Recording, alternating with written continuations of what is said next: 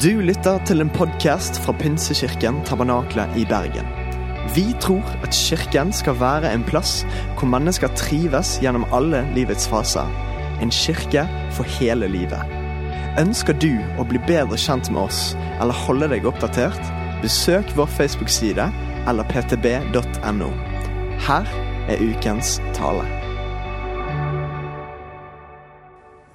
Jeg må myse litt nå for å se dere her. For det, er så godt å se dere alle sammen. Herlig at vi kan møtes her eh, på ekte, på ordentlig. Vi slipper eh, masken mens vi sitter i ro. Det går rette veien, folkens. Hæ? Ja. Så håper jeg du la merke til eh, spesielt det Ole Eirik sa om å ha forventning. Eh, altså ikke til meg, men til det Gud har tenkt å si. sant? Um, og jeg kjenner at jeg har lyst til å begynne å be før jeg skal dele Guds ord med dere. Takk, gode himmelske Far. Takk at vi kan få lov nå å være her sammen med hverandre og sammen med deg, og sammen med deg i ditt ord. Jeg vil be deg spesielt for eh, det som du har lagt på mitt hjerte nå, at eh, jeg ikke skal klusse det opp, og skulle tanken eller talen stoppe litt opp, så stopper ikke du opp. Du kan fullføre.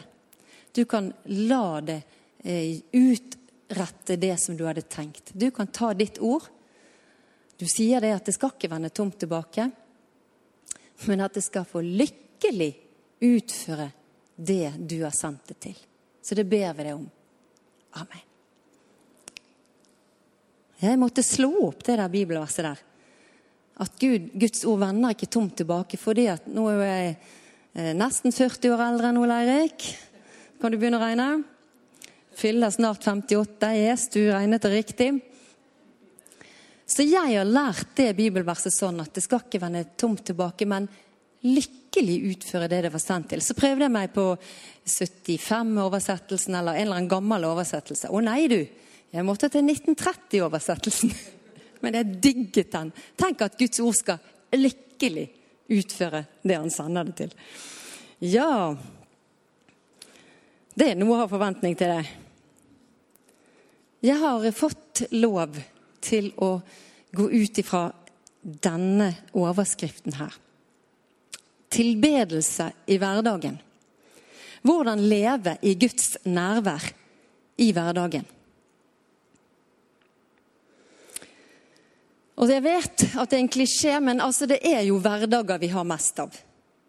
Og mine hverdager de svinger grådig.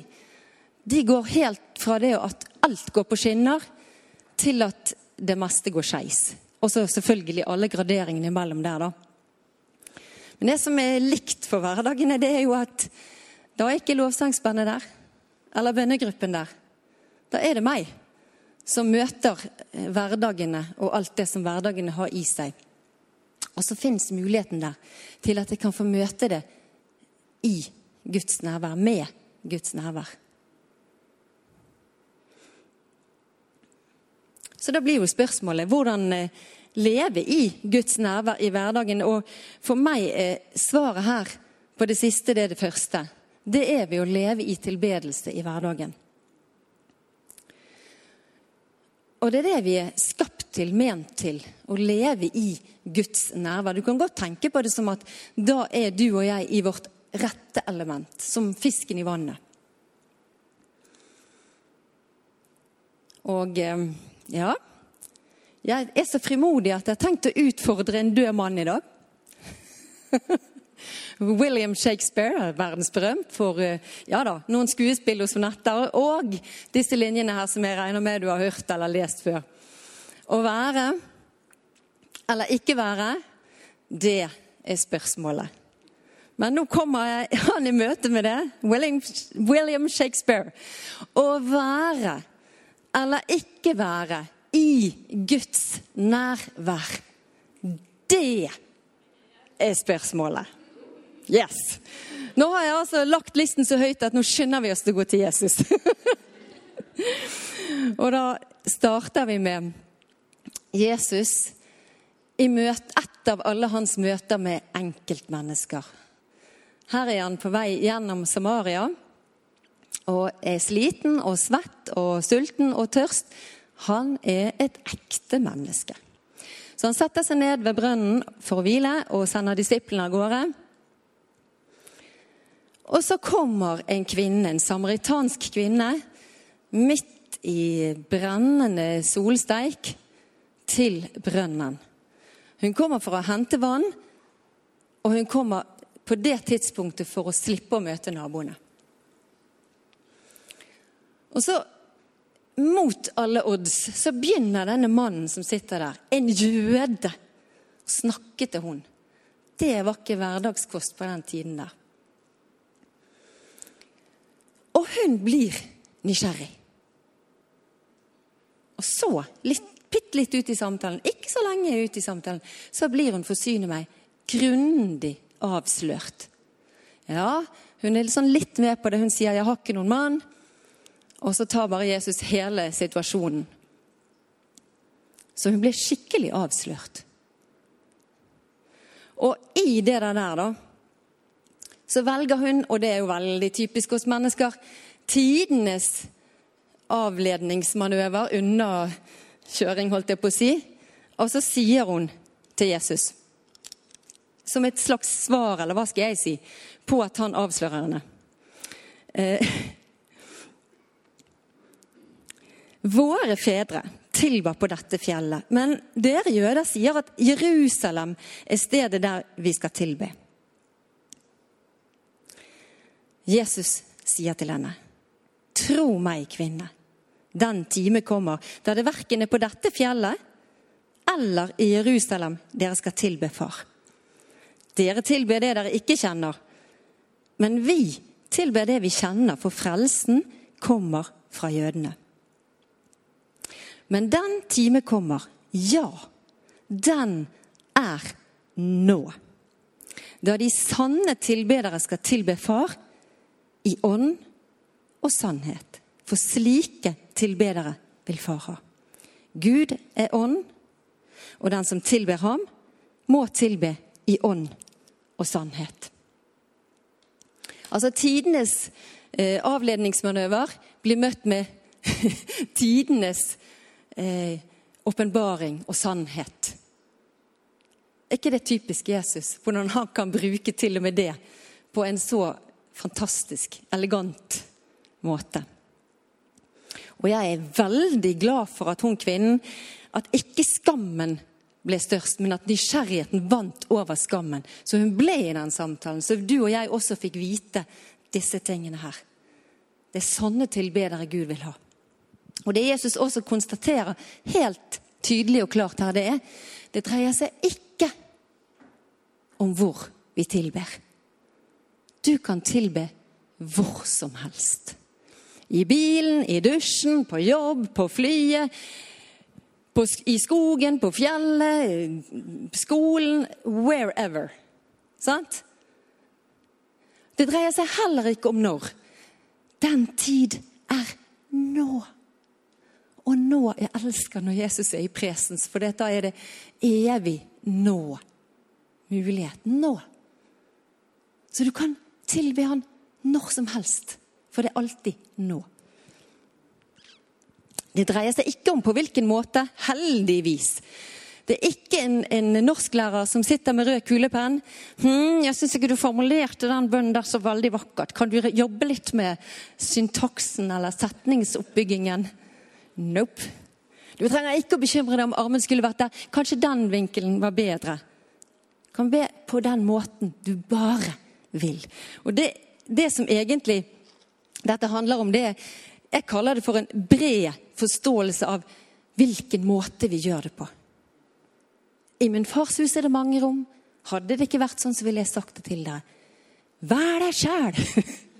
Jeg mener det, og Gud mener det. Akkurat dette er veldig frimodig på. Men så må jeg òg si, og det er Jesus like klinkende klar på, at vi snakker om en smal forståelse av hvem vi tilber. For det er én sann Gud. Det er Bibelens Gud. Det er himmelens og jorden skaper. Det er han som er allmektig. Det er han som er hellig. som er stor, ubegripelig stor. Og så er han også nær og god. Og så er han også Han sier også at han vil være vår far. Det er nesten så det hadde gått an å si halleluja. og så er det òg en ting til det dreier seg om i dette avsnittet. For Jesus viser oss òg at det handler noe om hjerteholdningen vår. At vi tilber i ånd og sannhet. Så det skal vi se litt nærmere på.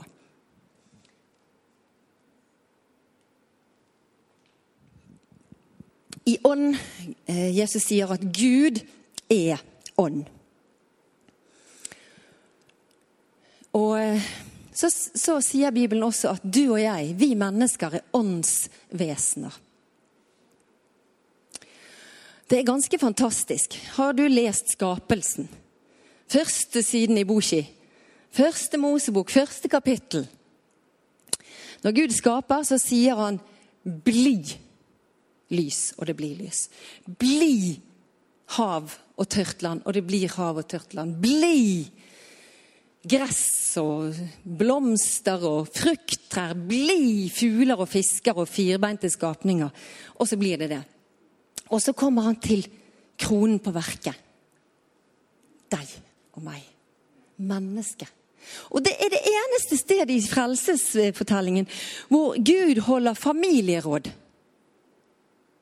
For det er så viktig, det han skal gjøre nå. Mhm. Ja, han har skapt, hold deg fast, 150 000 arter sommerfugler. Du kan slå opp i Store norske leksikon.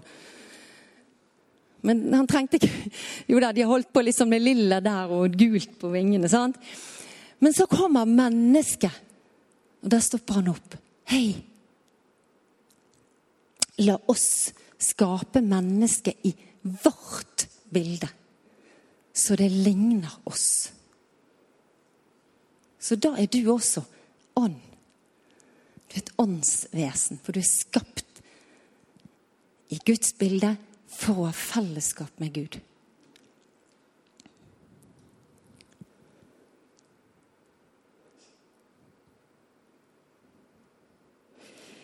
Det står noe spennende noe i Korinterne som jeg har lyst til å lese om akkurat dette. Hvem andre enn menneskets egen ånd vet hva som bor i et menneske? Slik vet heller ingen andre enn Guds ånd hva som bor i Gud. Vi har ikke fått verdens ånd, men den ånd som er fra Gud, for at vi skal forstå hva Gud i sin nåde har gitt oss. Om dette taler vi med ord som Ånden har lært oss, ikke med ord som menneskelig visdom har lært oss. Det åndelige tolker vi med ord som Ånden har lært oss.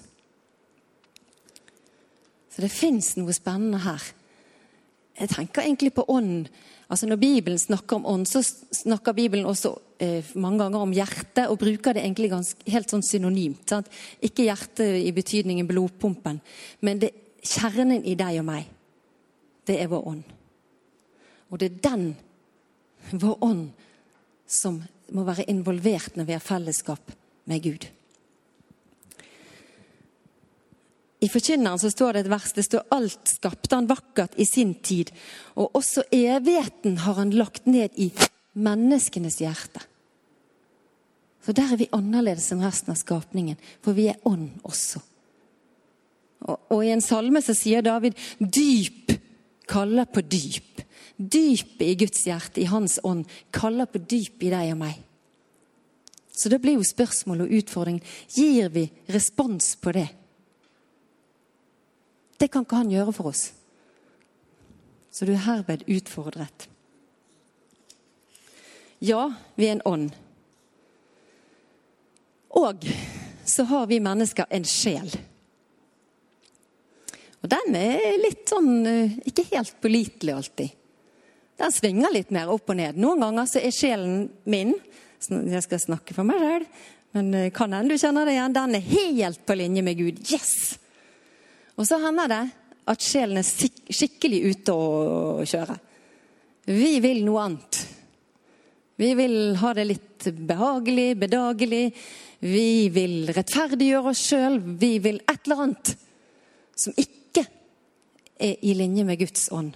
Som ikke er eh, helliggjort. Impulser som kommer fra det ufrelste delene av oss. Ja, jeg er frelst, jeg skal til himmelen. Men det, det står òg at jeg må jobbe med arbeide med frelsen min. Det er de områdene som ikke er helt på plass ennå. Og da har vi et fantastisk Jeg kaller det for kompasset for sjelen. Og det er Guds ord. Vi leser sammen i Hebreerne? For Guds ord er levende og virkekraftig og skarpere enn noe tveegget sverd det trenger gjennom til det kløver sjel og ånd, marg og bein, og dømmer hjertets tanker og planer. Jeg tenker på Guds ord som eh, mat for min ånd. Som jeg kan tilbe ut ifra. Som jeg kan tilbe eh, og få næring fra. Som når jeg har deponert Guds ord på innsiden, så er jeg mye mer klar over hvor stor han er. Jeg er mye mer på linje med hva som er Guds vilje når jeg tilber. Og jeg har lyst til å slå et slag for å lese Guds ord på mange forskjellige måter, men pass på at du også leser sakte nok. Jeg holdt på å si lite nok. Ja, du hørte rett. Til at det du leser, får gjøre noe med deg. Bli i det. La det få jobbe i deg gjerne diskutere med Bibelen. Det er jo ofte. Det er jo helt sløkket, for jeg taper jo alt. Men, men jeg gjør det fordi at eh, det skjer veldig mye på innsiden når jeg involverer meg. Takk! Tusen takk! Yes. Så, så vi trenger Guds ord, eh, som jeg sier, deponert, plassert, fylt opp i lagrene våre når vi går inn i tilbedelsen når vi er sammen med han i fellesskapet. Det står et herlig løfte til oss som vil leve helhjertet med Gud. For dette er en hjertesak. Hjerte, ja, det er det. Det står for Herrens øyne farer over jorden, for kraftig å støtte dem som er helt med ham i sitt hjerte. Tenk for et løfte! Kraftig å støtte når du og jeg er helt med Han i vårt hjerte. Og du har kanskje hørt eh, eh ordspråkene 4.23. Det er sånn eh, mye sitert vers, og det er jo en grunn til det. Bevar ditt hjerte fremfor alt du bevarer, for livet går ut fra det. Så når vi skal tilbe i ånd, så er det fra hjertet. sant? Og da må vi bevare hjertet vårt. Det spiller en rolle hva vi fyller oss med. Jeg har Netflix. Jeg har ikke sånn grådig mange sånne eh, strømmetjenester, men jeg har nå det. Men jeg oppdager det at plutselig så Nei, jeg har ikke lyst til å se det lenger. Nei, uff, har jeg sett på sånt? Altså, og det er ikke fordi at jeg liksom skjerper meg, men det er noe som får større plass. For da blir det mindre plass til andre ting. Jeg vil heller ha mer plass til Guds nærvær i livet mitt. Bevar ditt hjerte fremfor alt du bevarer, for livet går ut fra det. Og det og at vi bevarer hjertene våre, det handler veldig mye om også det neste som Jesus sier, at vi skal tilbe i sannhet. At vi er ærlige. Sånn er jeg. Her er jeg. Å, jeg har prøvd å Pynte på ting. Unnskylde ting. Bortforklare ting. Det er ikke noe vits i. Jeg har gjort det likevel. Vi skal lese noen vers eh, som Jesus sier. Eh, for det er jo sånn at Av en eller annen merkelig grunn så tenker vi mennesker at å, jeg må gjøre det riktig. Men Jesus og Gud ser aldri etter fullkomne mennesker. Han ser etter oppriktige, ærlige mennesker. Skal vi lese her sammen? Ehm, fra Lukas 18. Til noen som stolte på at de selv var rettferdige, og så ned på alle andre, fortalte Jesus denne lignelsen. To menn gikk opp til tempelet for å be. Den ene var fariseer, og den andre toller. Fariseeren stilte seg opp for seg selv og ba slik. Gud, jeg takker deg for at jeg ikke er som andre mennesker. De som svindler og gjør urett og bryter ekteskapet, eller som den tolleren der. Jeg faster to ganger i uken og gir tiende av alt jeg tjener. Tolleren sto langt unna og ville ikke engang løfte blikket mot himmelen, men slo seg for brystet og sa, Gud, vær meg synder nådig. Jeg sier dere, tolleren gikk hjem rettferdig for Gud, den andre ikke. For hver den som setter seg selv høyt, skal settes lavt, og den som setter seg selv lavt, skal settes høyt. Altså, Du kan begynne å lure. Hvem er det egentlig denne fariseeren tilber? Jeg, ikke som de andre. Jeg gir tiende, og jeg faster. Han tilber seg sjøl. Han tilber sin egen fortreffelighet. Og det kan ikke Gud møte. Mens han som sier 'Å, Gud, jeg trenger nåde'. Jeg har syndet. Det kan Gud komme og møte. Der kan han komme og fylle opp med sitt nærvær. Der er det god plass til Gud. Det har jeg for så vidt òg gjort, altså. Jeg anbefaler det fremfor å prøve å pynte på. Jeg digger David sin måte i salmene. David sin måte med hvordan han kommer med alt til Gud. Du er fantastisk! Jeg bare digger deg! Å, Gud er så sint og er frustrert. Og han kommer med absolutt alt. sant han gjør? Det er grådig fascinerende å lese. Jeg er så glad det står i Bibelen. For det betyr at da kan jeg òg. Med alle. Alt armer og bein og opp- og ned-turene. Og du, Vi kan lese salmene når vi tilber. Vi kan bli inspirert av dem, sitere dem. Vi kan la de på en måte modellere en måte å være sann og ærlig og fra hjertet i fellesskapet med Gud. Og Så sier David også i en salme.: Herre, hvem får holde til i ditt telt? Hvem får bo på ditt hellige fjell? Den som gjør rett og er hel i sin ferd og taler sannhet fra hjertet.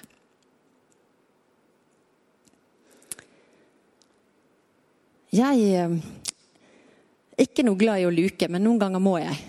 For jeg er enda mindre glad i ugress, for å si det sånn.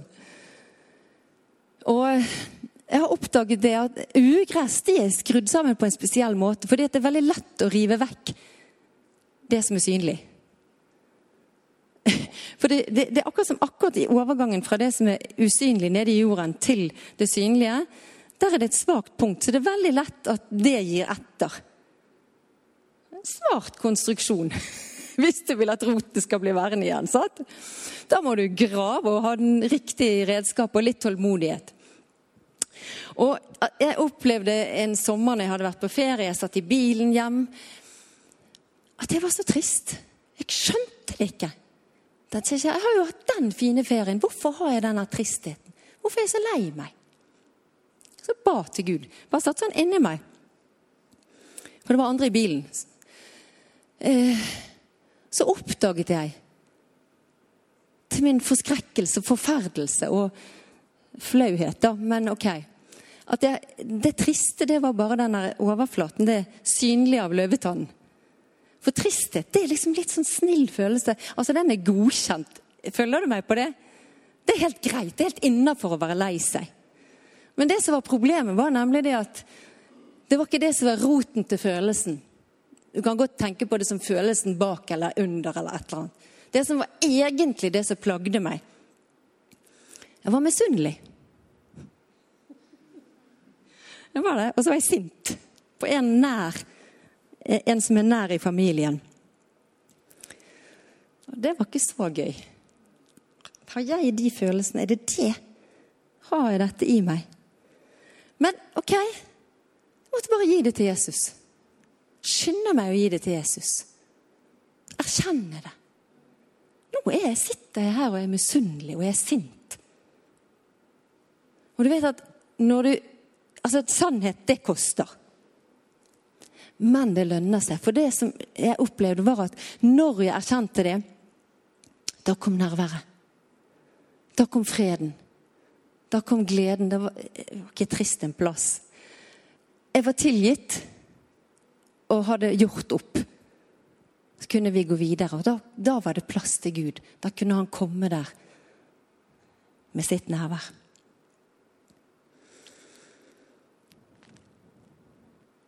Det samme opplevde jo kvinnen ved brønnen. sant? Når hun eh, Jesus, jeg, jeg, leste det ikke i sted, men Jesus sier jo til henne 'Gå og hent din mann'. 'Nei, jeg har ikke noen mann'. Det er her hun ble avslørt. sant? Nei, det stemmer, det. For du har hatt fem, og han du er med nå, den nummer seks, sjette fyren, er heller ikke din mann. Hun er ærlig når hun sier at hun ikke har en mann. Jesus sier 'der talte du sant'. Og det åpner for resten av samtalen. Hun får vite noe mer om Gud.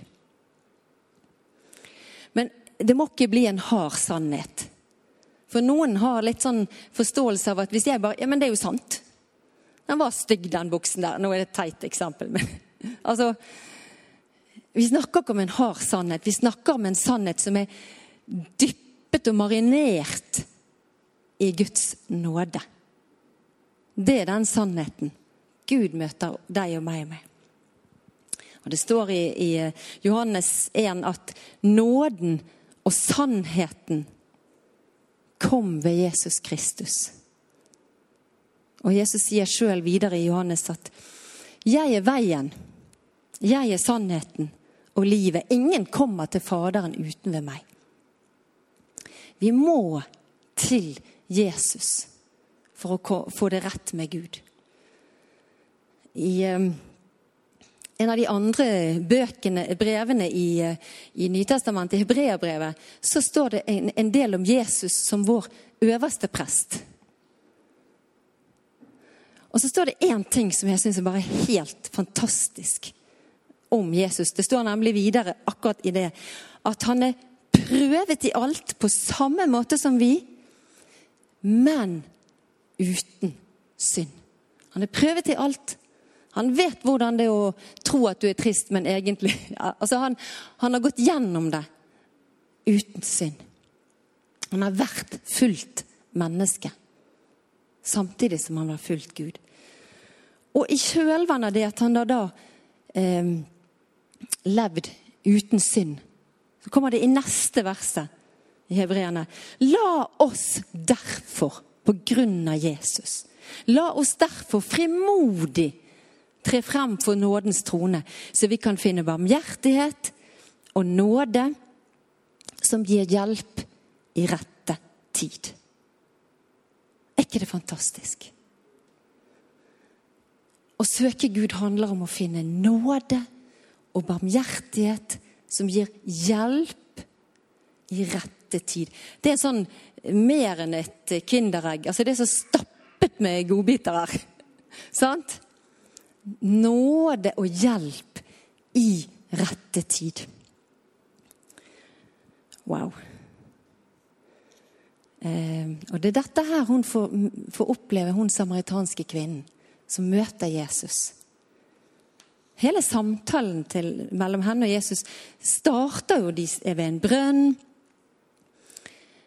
Hun skal hente vann. Jesus spør om å få litt vann.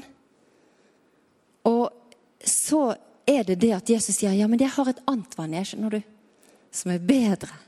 Et levende vann. Da blir hun nysgjerrig. Og Litt seinere så eh, sier Jesus i Johannes om dette vannet. Den som tørster, skal komme til meg og drikke. Den som tror på meg, fra hans indre skal det, som Skriften sier, renne elver av levende vann. I naturen så finner vi vann overalt. Og Særlig her i Bergen. Jeg vet han er bløt, men sant? Er, vi har eh, sprutregn, vi har yr, vi har sidelengs, vi har omtrent så sprutregn at det spruter opp igjen.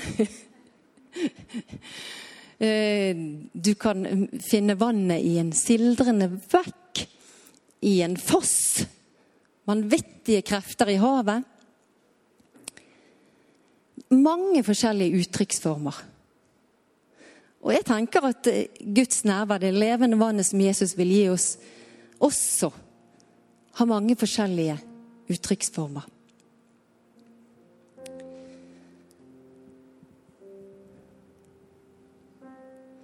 Personlig så har jeg opplevd Guds nærvær på mange forskjellige måter. Altså, jeg kan oppleve det jo òg fysisk. Ikke alltid, men noen ganger. At det blir, at det blir en sånn god varme.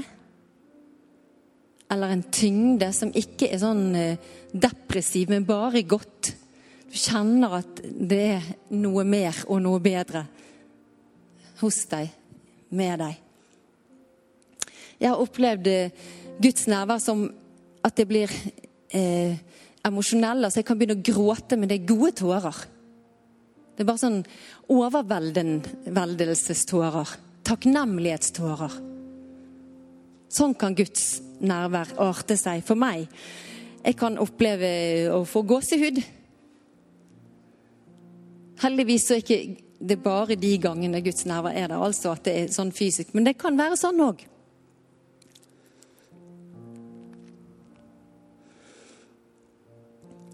Men det som er fellesnevneren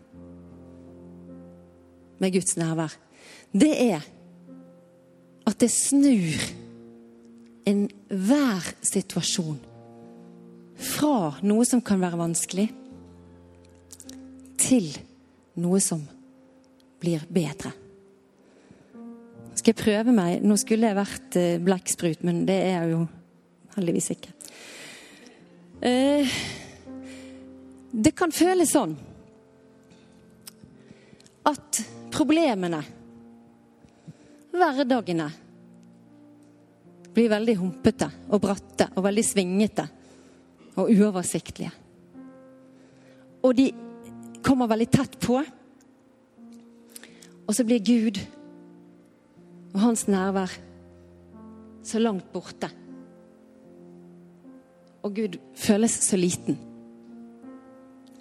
Men hvis jeg da gir respons på det at hans hjerte, hans ånd, kaller på mitt hjerte Og det kan være noen ganger at jeg nesten med sammenbitte tenner velger OK, da, så skal jeg venne meg til deg. Jeg er ikke så helliggjort ennå at det kommer så automatisk alltid. Men jeg gjør det likevel, jeg. Og det kan være på mye forskjellige rare måter. Og så kommer Gud med sitt nærvær, og så snur situasjonen. Dette skulle bli veldig elegant. og så er Gud så stor, og så er han så nær. Og så blir de der problemene og hverdagen ikke så tunge.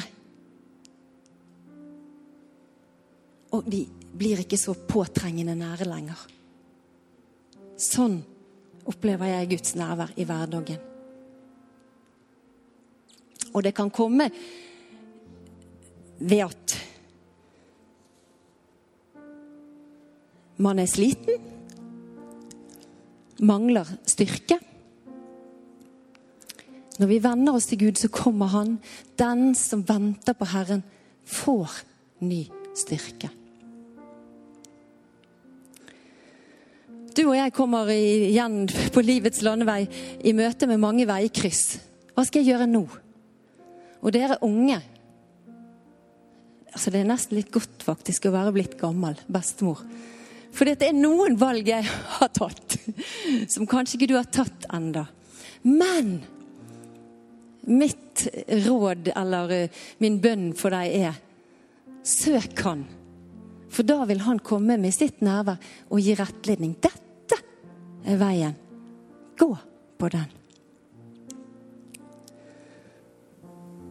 Guds eh, nærvær kan også komme som korrigering. Du sitter og sier 'Gud, hvorfor er jeg så trist?' Marit, du er ikke trist. Hør her. Det er dessverre noe verre som feiler deg akkurat nå. Men du vet at måten han kommer på med korrigering, det er den nådefulle sannheten. Og Jesus sier sjøl i åpenbaringen at 'jeg refser og irettesetter alle dem som jeg har kjær'. Så det er en kjærlighetshandling fra vår far. Så møter vi ting i livet hvor vi bare tenker 'hva skal jeg si nå', hva skal jeg gjøre nå'? Jeg trenger utrustning fra himmelen. Og da får vi det. Dere skal få kraft idet Den hellige ånd kommer over dere. Vi møter på tunge dager med sorg. Så kommer Guds nærvær med trøst. Salige er de som sørger, for de skal trøstes. For den tunge, deppa dagen som kommer til oss alle, så sier Gud, gleden i Herren skal være din styrke. Så kommer Han og gir deg ny glede. Og høyt oppe på min liste, der må jeg bare si, så derfor kan jeg ta det sånn nå sist, men ikke minst. Denne listen den er jo uendelig, så jeg skal stoppe nå med dette punktet. Men for meg så er dette med fred noe som er høyt oppe. I den tiden vi lever i nå. Oi, oi, oi. Mangel på fred i verden. Og så kommer Jesus, og så sier han, 'Min fred gir jeg dere'. Ikke den freden som verden prøver å få til men min fred, Guds fred, som overgår all forstand. Som bevarer hjertene og tankene våre i Kristus Jesus.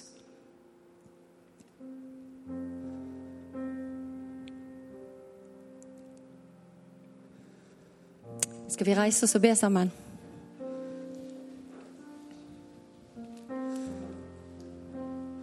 Takk, far, for ditt ord, som du bor i. Og virker i og virker gjennom. Og takk for alle dine løfter som du har gitt oss i ditt ord. De står fast. Du har ikke ombestemt deg på et eneste av dem. Du mener hvert løfte i dag, her, nå.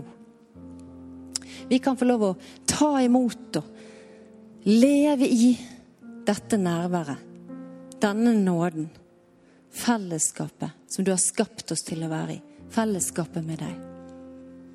Der hvor det er godt å være, der hvor vi kjenner å ja, det var derfor. Det er dette som er meningen. Når alt kommer på plass og i rett ordning i livene våre.